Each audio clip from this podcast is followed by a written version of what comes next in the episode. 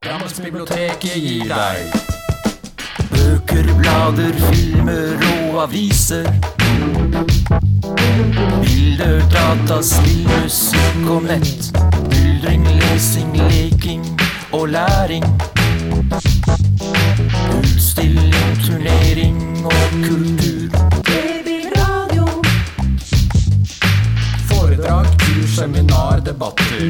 Konserter, teater og lek. Drammensbiblioteket gir deg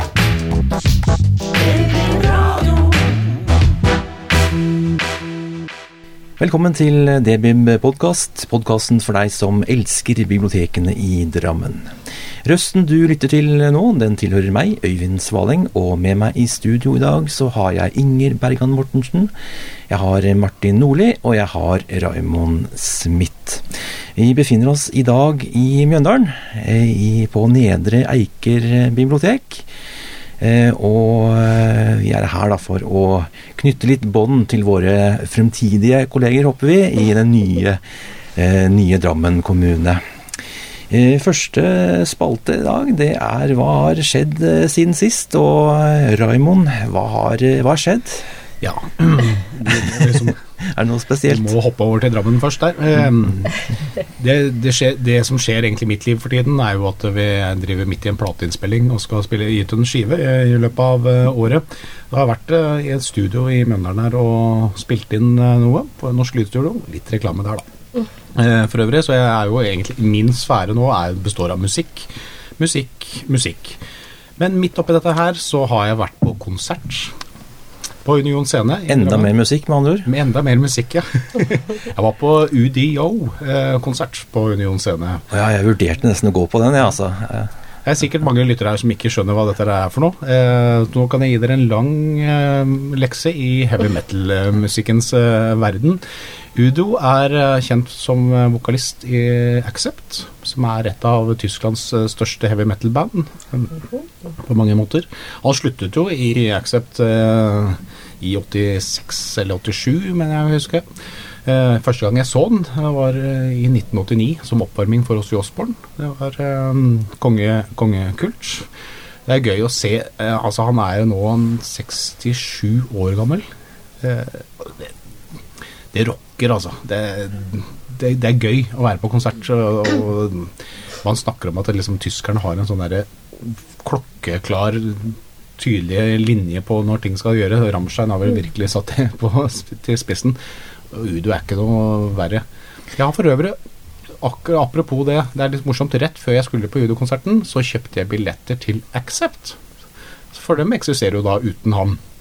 For de skal jo spille i operaen i sommeren, sammen med Kringkastingsorkesteret. Aksept i operaen med Kringkastingsorkesteret? Ja. Ja vel, ok, det, det må jeg nesten vurdere å dra på. 26. juni. Det, det gleder jeg meg stort til, altså. Så, Men, men var altså Accept var det et, et band som måtte var eh, ekstra stort i, i Drammen-Mjøndalen-området på 80-tallet? For jeg har en annen kompis som er fra Mjøndalen, eh, og en fra Drammen, og begge er store Accept-fans. Men da er de over 40, da, skjønner jeg. Ja, det er jo det, for så vidt. Ja. Det, for det, det så vi på Union C nå. Det, det er en sånn Ja, det er eh, midt i disse idoltider så må jeg jo si at dette er ganske tøft for Udo Dirk Schneider, da, som han heter. Han, eh, han synger ikke akkurat vakkert, men det låter knalltøft i den metal-greia. Men dette er selvfølgelig brorparten folk over 40 år som, som digger det. Det er jo sånn det er med den gamle 80-tallsmetallen. Jeg må bare nevne det. Det var jo oppvarmingsband òg. David Reece fra Amerika. Her sitter dere og lærer masse nytt nå. Ja, ikke sant. Når er det Accept var veldig sånn eh, i mest, eh, hadde sånn var mest poppis av? Nei, Det var i 86-85-86, når de ga ut en skive som het Balls to the Wall. Da fikk de virkelig en sånn kjempestort gjennombrudd. Da var jeg russ, da. Ja. På gutterommet hørte på The Smiths på den tiden. Altså, det var litt annerledes. Det er riktig. Dette var midt i puddeltiden, men Accept var på en måte ikke et puddelrockband. da. Det Er det hardere enn puddel, eller? Det er, ja. Det var, eh, og skivene før, kanskje Balls of the Wall og Metal Health og Russian Roulette, eh, så var det enda litt mer brutale. Dette er jo tross alt et band som ble starta på 70-tallet, bare sånn for å nevne det. Men David Reece, som oppvarming for Udo, han har også synget i Accept. Han ga ut én skive med Accept i 1989 som het Eat to Heat. Eh, Så vet jeg han synger dødsbra igjen, i motsetning til Udo.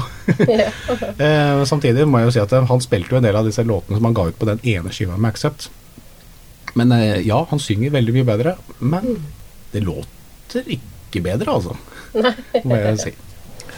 Eh, Vi kan gi ordet til eh, en av eh, våre medarbeidere i Nedre Eiker. Martin, hva har skjedd siden sist i ditt liv? Har det vært noe spesielle greier? Uh, nei, Ingenting? det har vel ikke det. Vi har jo hatt uh, arrangementer her på biblioteket, da. Ja, hva skjer her om dagen? Vi hadde en eh, eh, på, Sist fredag så hadde vi om surdeigsbaking med urkorn. Faktisk, fordi vi har fått en kafé her, sånn, så de, de har begynt på en måte å komme litt med eh, samarbeide med dem da, på arrangementer. Ja. Så da var det leverandøren av deres mel som kom og snakket om hvordan hun eh, bakte med surdeig. da. Okay.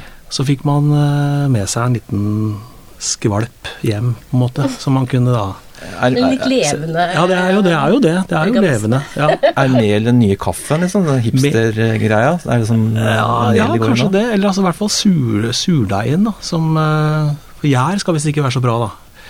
Ok. Så mm, det hadde vi. Mm. Ja.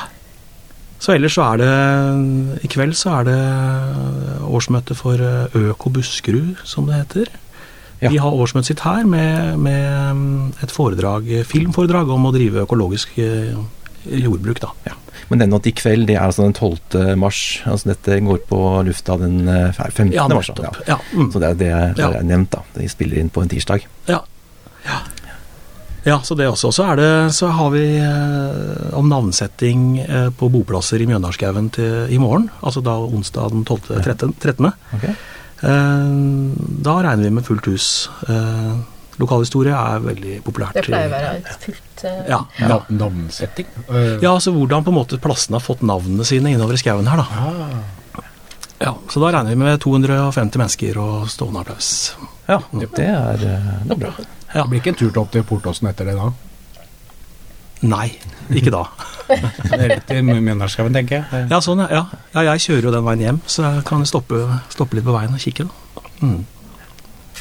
Ja, eh, og så er det den andre her fra Nedre Eiker. Det er Inger. Eh, Hvordan, eh, hva skjer hos i ditt liv om dagen? Ja, Hvis jeg skal ta personlig, så har jeg da lært å frityrkoke. Har du det, ja? Ja, Apropos mat. Jeg tør ikke, jeg, jeg er så redd for brann. jeg. livredd for det. Jeg hadde en mor som var sånn derre «Det må stå klar med lokket! Det kan bli brann! Dette er livsfarlig! Så jeg har liksom alltid holdt meg litt unna. Men i helga så lagde jeg noen helt uh, kjempegode vårruller, faktisk. Og huset brant ikke ned, og ingenting tok fyr. Og det, så det var veldig gøy. og jeg lærte også å kjøre med snøfreser. Men ut, bortsett fra det, så, uh, så jeg på, var jeg på en konsert i forrige uke uh, med en som het Trygve Skau. Jeg har ei venninne som er veldig fan av han. eh, Og han er sånn Instagram-poet, har jeg skjønt av Martin. Og det var ganske banalt. Men noen ganger så tror jeg vi trenger det banale. Det er litt sånn der gode og koselige. Eh, Og så var det en fantastisk eh, kvinnelig gitarist der som het Tora et eller annet. Jeg husker ikke hva Jeg, nå merka jeg at alle så på meg her. ja, jeg tenkte at du visste det. Jeg tror vi var i Beat for beat også på eh, fredagen, faktisk. Ok, Eh, For vi som er for og ser Ja. Og hun eh, fikk virkelig opp standarden, altså. Så hun var kjempedyktig, eh, må jeg si. Så det var vel egentlig det. Ja, Vårruller og, og Trygve Skau og snøfreser, egentlig. Ja. Det går jo mye mat i Mjøndalen. Ja. ja, ikke sant. Nå bor jeg i Øvre Eiker, da, Martin. Ja. Men det går mye mat her òg. Mm. Bare husk å kjøpe innboforsikring før man eh, Før man frityrsteker, frityrsteker. ja. Det Ja, det er nesten sånn. Ja. Det er sånn Nei. der, Hjertet banker, og du står liksom klar. Eh, og ja, da er det meg til slutt, da. Eh, jeg, det har ikke skjedd sånn veldig mye, men eh, først vil bare sånn eh, eh, Bare ønske velkommen til eh, Svelviks eh, nye bibliotekar. Vi skal jo slå sammen med Svelvik Ja, òg. hun er her. Så hun er det, ja. I, Ina Synnøve heter hun. Og eh, bare så vidt snakka med henne. Hun er veldig dyktig eh, og har en veldig interessant bakgrunn. Som er sånn, det er som podkastspråket så sier man sånn shout-out. Så det er sånn shout-out til eh, Ina, da. Velkommen til henne. Så eh, det var noe om det. Eh, ellers så er jeg liksom preget av eh, På 90-tallet så var det en plate som het eh, Jeg tror det var med en artist som het Tricky. som het for Pre-Millennium Tension. Altså før eh, kom 1996, altså før århundreskiftet. Og det er sånn, For meg så er det liksom pre-kommunesammenslåing tension. Eh, ting skjer veldig fort. og det, Nå sitter vi her, vi har slått sammen nettsidene, og snart så kommer det sånn skumle innplasseringer og diverse diverse informasjon. Og, så, så, det er veldig mye som skjer på det der. Jeg har vært med på noen av disse her, uh, disse her uh, samlingene. Ja. Ja. ja, ja, det, det er jo Prøvd å, å bidra så godt jeg kan. Uh, egentlig så har jeg bare propagandert for biblioteket, for å være helt ærlig. Må jeg bare innrømme. Men det, det har vært spennende, og det har vært interessant. Og, vi trenger noen som gjør det, ja. Ja da, for all del. Ja, da, ja, da, vi, vi står på. Være oss selv nærmest litt. Ja. Um, så det, nei, det, er, det, er, spennende tider. Det er det, det som jeg tenker. At det er det. Mm. Uh, utover det så, så, har ikke det vært noen sånn kjempe, kjempespennende ting i, i mitt liv.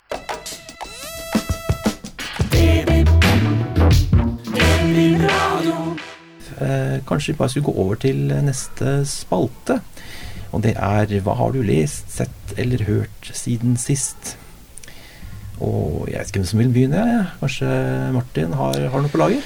Ja, det, øh, det, har jeg. Eh, jeg leste akkurat øh, ferdig en bok av en svenske som heter Martin Holmén.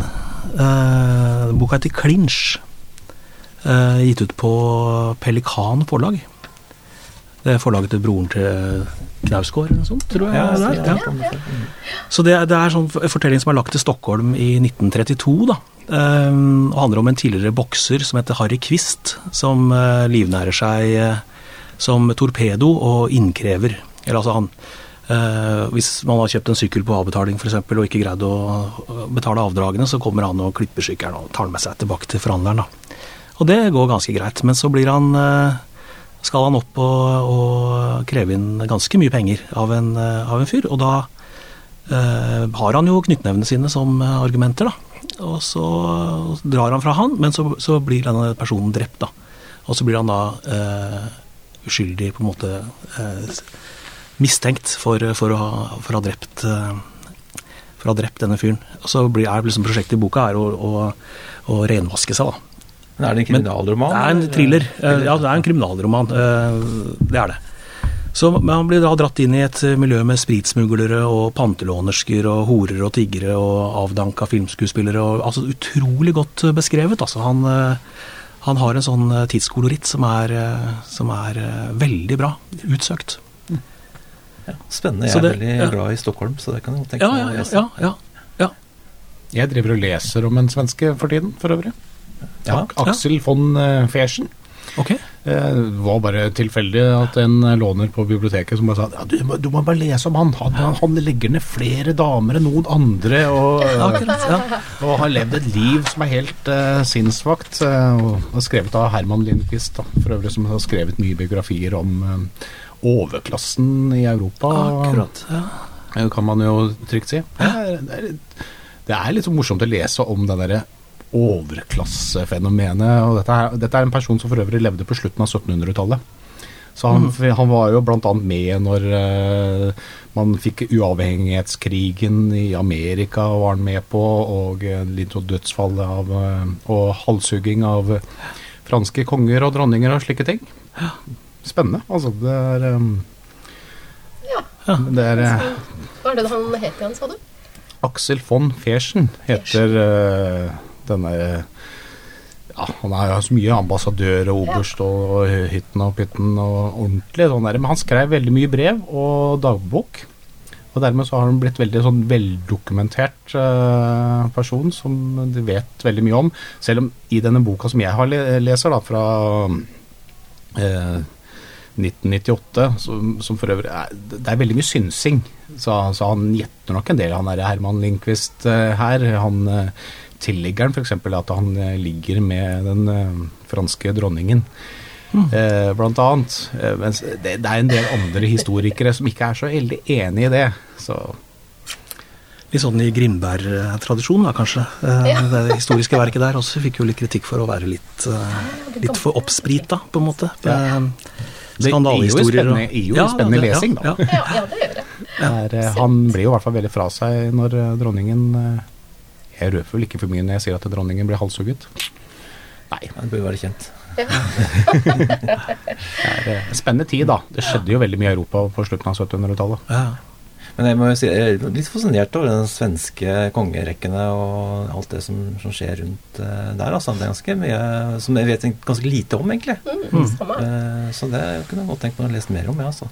Herman Lyngquist har skrevet flere bøker om det. Ja, det er, ta som et, eh, et godt eh, tips. Eh, Inger, du sitter her med en Ja. stabel. Ja, i hvert fall to. hvert fall ja. tjukke, Det er en stabel, ja. den der. Murakami-boka er jo ganske tjukk, da. For det har den, den engelske utgaven av den nyeste boka til Haruki Murakami, som heter 'Killing Commendatore'. Eller han heter vel 'Drapet på kommandanten' på norsk, tror jeg. Ja, jeg. tror det. Ja. Ja.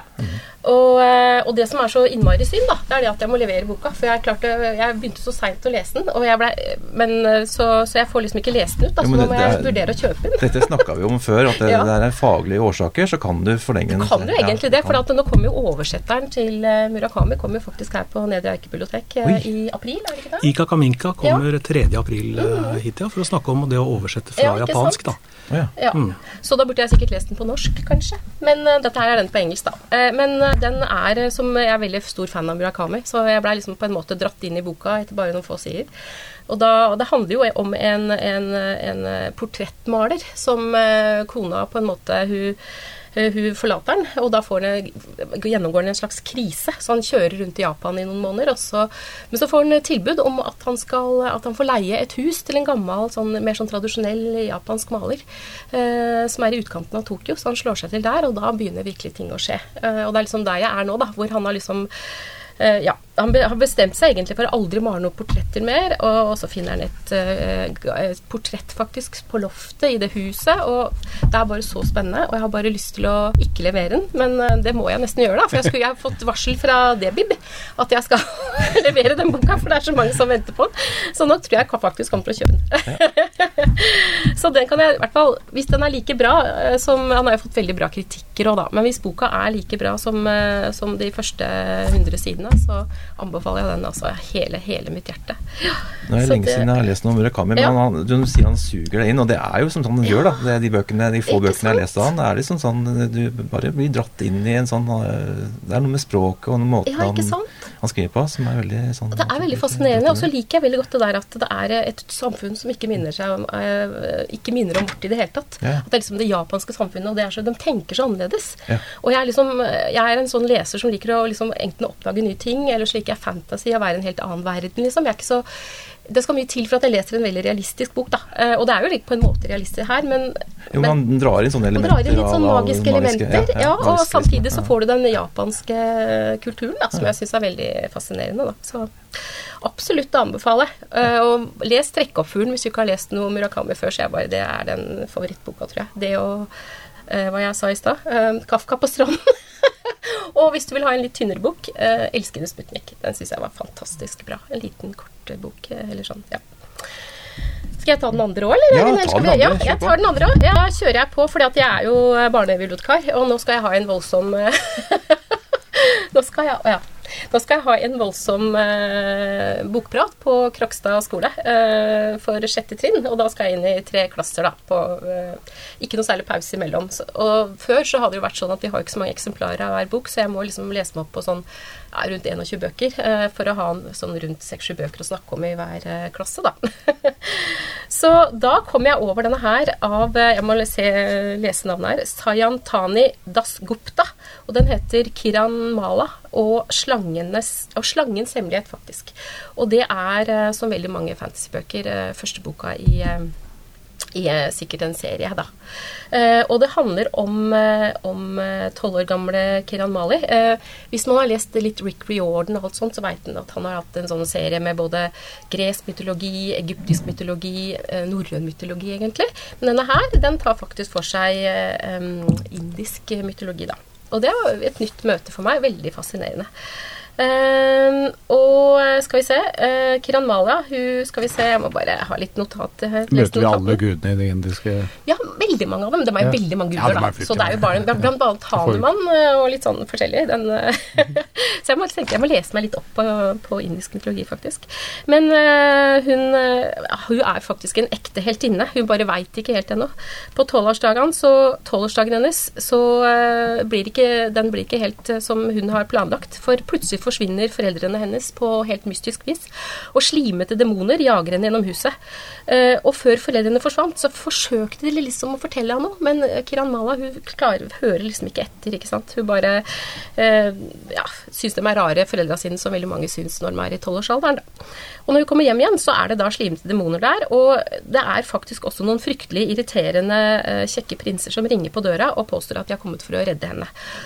Og de tar eh, henne med til en helt magisk verden hun ikke har visst at hun har vært en del av. Da. Så det her er eh, masse action, eh, og det er masse humor, faktisk, og indisk folklore. Jeg elsker den, og jeg håper også at unger i sånn alderen ja, 11 til 16 år kanskje, vil også like denne boka her, da. Så mm, det var veldig Det er sånn som jeg kan tenke meg å lese på sommeren, kanskje. Ja, ikke det er litt sånn, sant? sånn sommerbok. Du tenker Sånn liksom at det er litt liksom- varmt i India og sånn? sånn Ja, det er kanskje kanskje det. så er det sånn, jeg leser ofte litt, litt sånn lettere ting på, på Harry Potter. Jeg har så gode Ja, minner ikke fra å lese? Harry Potter på Ja, sommeren, for de kom ofte ja, på, på engelsk på, før Den sommeren. gjorde det, ja. Så det var en sånn tradisjon i noen år eh, at å leste den, da. Og så har det en fryktelig lekker forside, da, som jeg ikke får visst eh, nå, selvfølgelig. Men den er veldig sånn, eh, ja, Ja, er- fargerik. Den er enkel å lese. Det er den. Den er eh, veldig enkel å, enkel å lese, egentlig. Ikke vanskelig i språken. eh, Og den er sånn page-turner, altså. Så jeg tror den kan anbefales til mange. Jeg har jo lest eh, en intervjubok nå med, med intervjuer av David Bowie. En bok som kom på Flamme forlag, jeg tror den kom tidligere i år. Som heter For det siste intervjuet og andre samtaler. Som egentlig er oversatt fra engelsk. Så er det lagt til ett intervju, og så er det lagt til et forord også. Eh, Det er ikke en sånn komplett intervjuguide til eh, David Bowie. Eh, Det er, det er noen utvalgte her, så det er, det er bare en sånn innblikk. Blant annet så får vi det første intervjuet, da, der han bare er som talsmann for The Society for the Prevention of Cruelty to Long-Haired Men. Da, det er 1964, og han er tenåring, da. Så han er litt sånn teit eh, 15-åring som har funnet noe sånn gøyalt. Så er det en uh, intervjuer fra BBC da, som kommer og intervjuer dem, og de snakker mye om det å ha langt hår og tuller mye med det og sånn.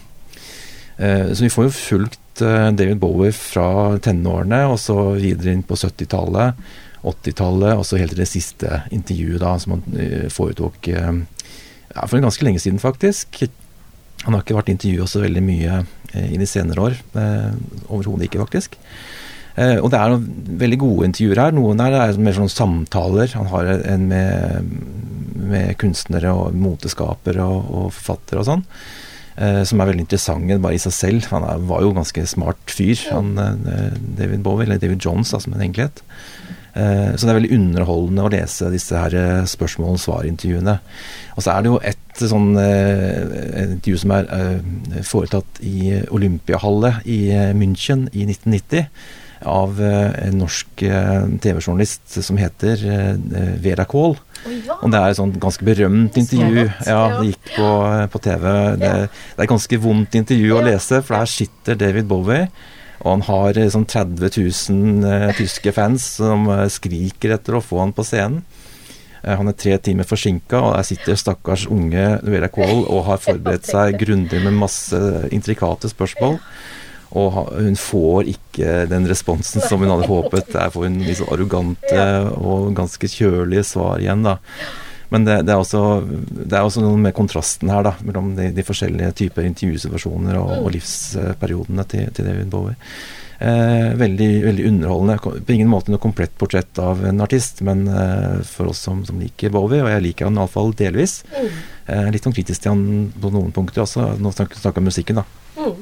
Men eh, en veldig gøyal utgivelse på, på det kule forlaget Flamme forlag. Så eh, den kan jeg virkelig anbefaler for alle musikkelskere og alle som er interessert i David Bowie som person. Det fikk jeg lyst til å lese, for jeg er veldig fan av David Bowie. Vet du hva, du Ja. kan få låne den for jeg har kjøpt, den privat, så du kan Ja, få den for lånen, og så kan du bare bruke den tiden du trenger. Han har jo egentlig full pakke. Han var liksom både, som du ser, mote, eller liksom hele sånn eh, outfiten og musikken og alt var liksom sånn Ja, planlagt veldig sånn ja, på den Siggy Stardust-tida hans og Mhm. alt det der.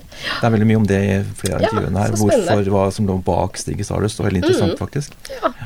Så han, hadde jo, han var jo skuespiller, Ja, og han hadde liksom sånn multitalent og en intellektuell, da. Mm. Så eh, ja, veldig, veldig morsom eh, bok det fra, fra Samme forlag. Ja, så går legg men bunken din, da skal jeg ta også. Nå er det i hvert fall en bunke, nå er det tre bøker. hvert fall når tre bøker. Men siden vi er inne på akkurat det, bare sånn et lite innspill her. eh, For akkurat nå, om ikke så altfor lenge nå, så slippes det jo en ny film på Netflix som heter The Dirt. En eh, spillefilm om uh, Motley Crew, som er hentet fra biografien deres, The Dirt. Hjelp meg, det må være 18-årsgrense på den, tror jeg. Ja, det må det minst eh, være. For, eh, for å lese biografien om uh, glam rock-bandet Motley Crew, det er Altså har man, man, man, kan egentlig bare tenke hva man vil, eller like musikken eller ikke, men altså den boka, den må leses. Hvis man er litt interessert i biografier om musikk og band, altså det er eh, Det er jo selvfølgelig eh, en tjukk bok om eh, rus, Ja. kan man jo si. Og en del annet som jeg ikke skal nevne nå. Det bare, men nå, nå kommer jo spillefilmen. ja. Ja, den eh, ser jeg fram til. Det kan bli en spennende, spennende eh, ting å se på. Ja. Eh, jeg, kan jeg plugge en bok til når jeg først er i gang? Eh, og den er jeg meget begeistret for. Eh, og det er eh, en bok som heter For du og jeg og Vito. Eh, altså ikke vi to, men Vito. av Bjarte Arneson. Og det er en novellesamling. Jeg har aldri hørt om han før. Jeg har iallfall ikke merket meg navnet. Men dette er hans tredje utgivelse. Og det er liksom sånn burlesk, humoristisk satireprosjekt. da, Med, med 15 noveller. Der som fellesnevneren er at de er bygd på strofene fra kjente barnesanger. Det begynner ofte med sånn fly en liten blåfugl gjennom vinduet, og så skaper han en novelle ut fra det. Så gøy. Og det er virkelig sånn eh, utrolig morsomt. Jeg satt og leste den på bussen her i Ja. går, eh, ned til jobb, og jeg satt og løy, altså, løy eh, og, satt og, og, og lo høyt. Du brøyt ut i sang. Ja, jeg brøyt, nesten ut i sang. Det er liksom sånn pinlig, da. Eh, For det er, det er ordentlig gøyalt, og han skriver kjempegodt. Eh, og eh, det er sånn ekte morsomt. Det er ikke bare sånn tullemorsomt. Det er sånn ordentlig sånn at du, du ler godt. Og så er det satire og Ja. hele der eh, greia i, i bånden, da. Så det er ikke dårlig heller. Det er ikke bare tull. Eh, men eh, han bruker det der, ja, de virkemidlene, da. Så vi får bl.a. vite da hvorfor gubben Noah beit seg i tåa så det gjorde vondt. Ja, det det er en, på, det er en, ja, det får du vite i den første novellen her. Og det, det er eh, en ganske uh, tragisk grunn til det, uh, og, veldig, og, og veldig morsom. Så han klarte å bite seg i tå. Ja, skal, Jeg tenker jeg kanskje han drev med yoga. ja, kanskje. det er godt mulig. Ja, altså veldig, veldig mye, det. Mm, Ja, er, så bra. Den fikk jeg lyst til å lese. Det anbefales. Ja, det var det jeg hadde å anbefale i dag. Ja. Er det noen andre som sitter inne med det nå? Jeg på, altså jeg leste den eh, Jeg var, jeg var, i, var i, i siloen eh, utenfor Drammes eh, eller Papirbredden, og så så han Bård, eller hørte Bård Bor, Borgersen, eh, Bård eh, Torgersen. Eh, som er lyriker og romanforfatter. Hadde en opplesning der sammen med et band som jeg ikke husker navnet på.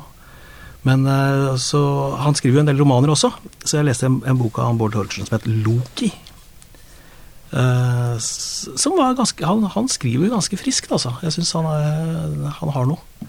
Uh, om en fyr som stikker fra Norge og er Han prater og prater og prater og prater, og veldig sånn eh, fremtidsutopist, kan man kalle det. Eh, så lenge det er utvikling, liksom. Så lenge det på en måte er teknologi og utvikling, så er det bra. På en måte da. Eh, lite kritisk til det. Ja. Eh, det går ikke så veldig bra, kanskje, med ham. Men, eh, men da, ja. Han, han kan jeg anbefale. Bård Torgersen. Han kommer hit også, forresten. Oh, Eh, 31. mai. Må bare drive reklame, det er fint. Eh, men apropos det, så er det jo også noe i den her som jeg snakket om i stad, den Du og jeg og Vito av, av Bjarte Arnesen, Arneson.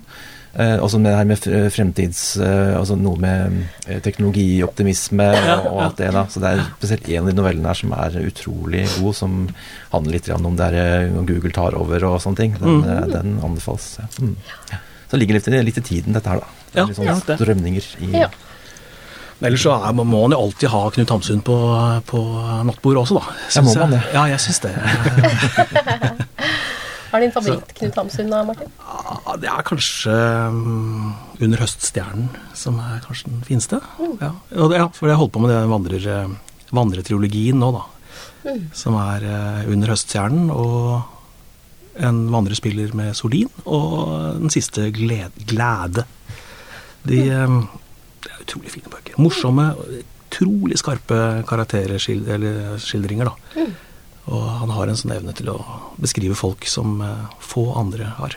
Jeg, jeg vet ikke om jeg skal nevne det, men jeg var jo så uheldig en gang og så ble jeg intervjuet i Drammens Tidende. og um, Hva spiste du til frokostspalte, som de har på siste siden, og sånne ting. Og da var det selvfølgelig 'Hva har du på nattbordskuffen din?'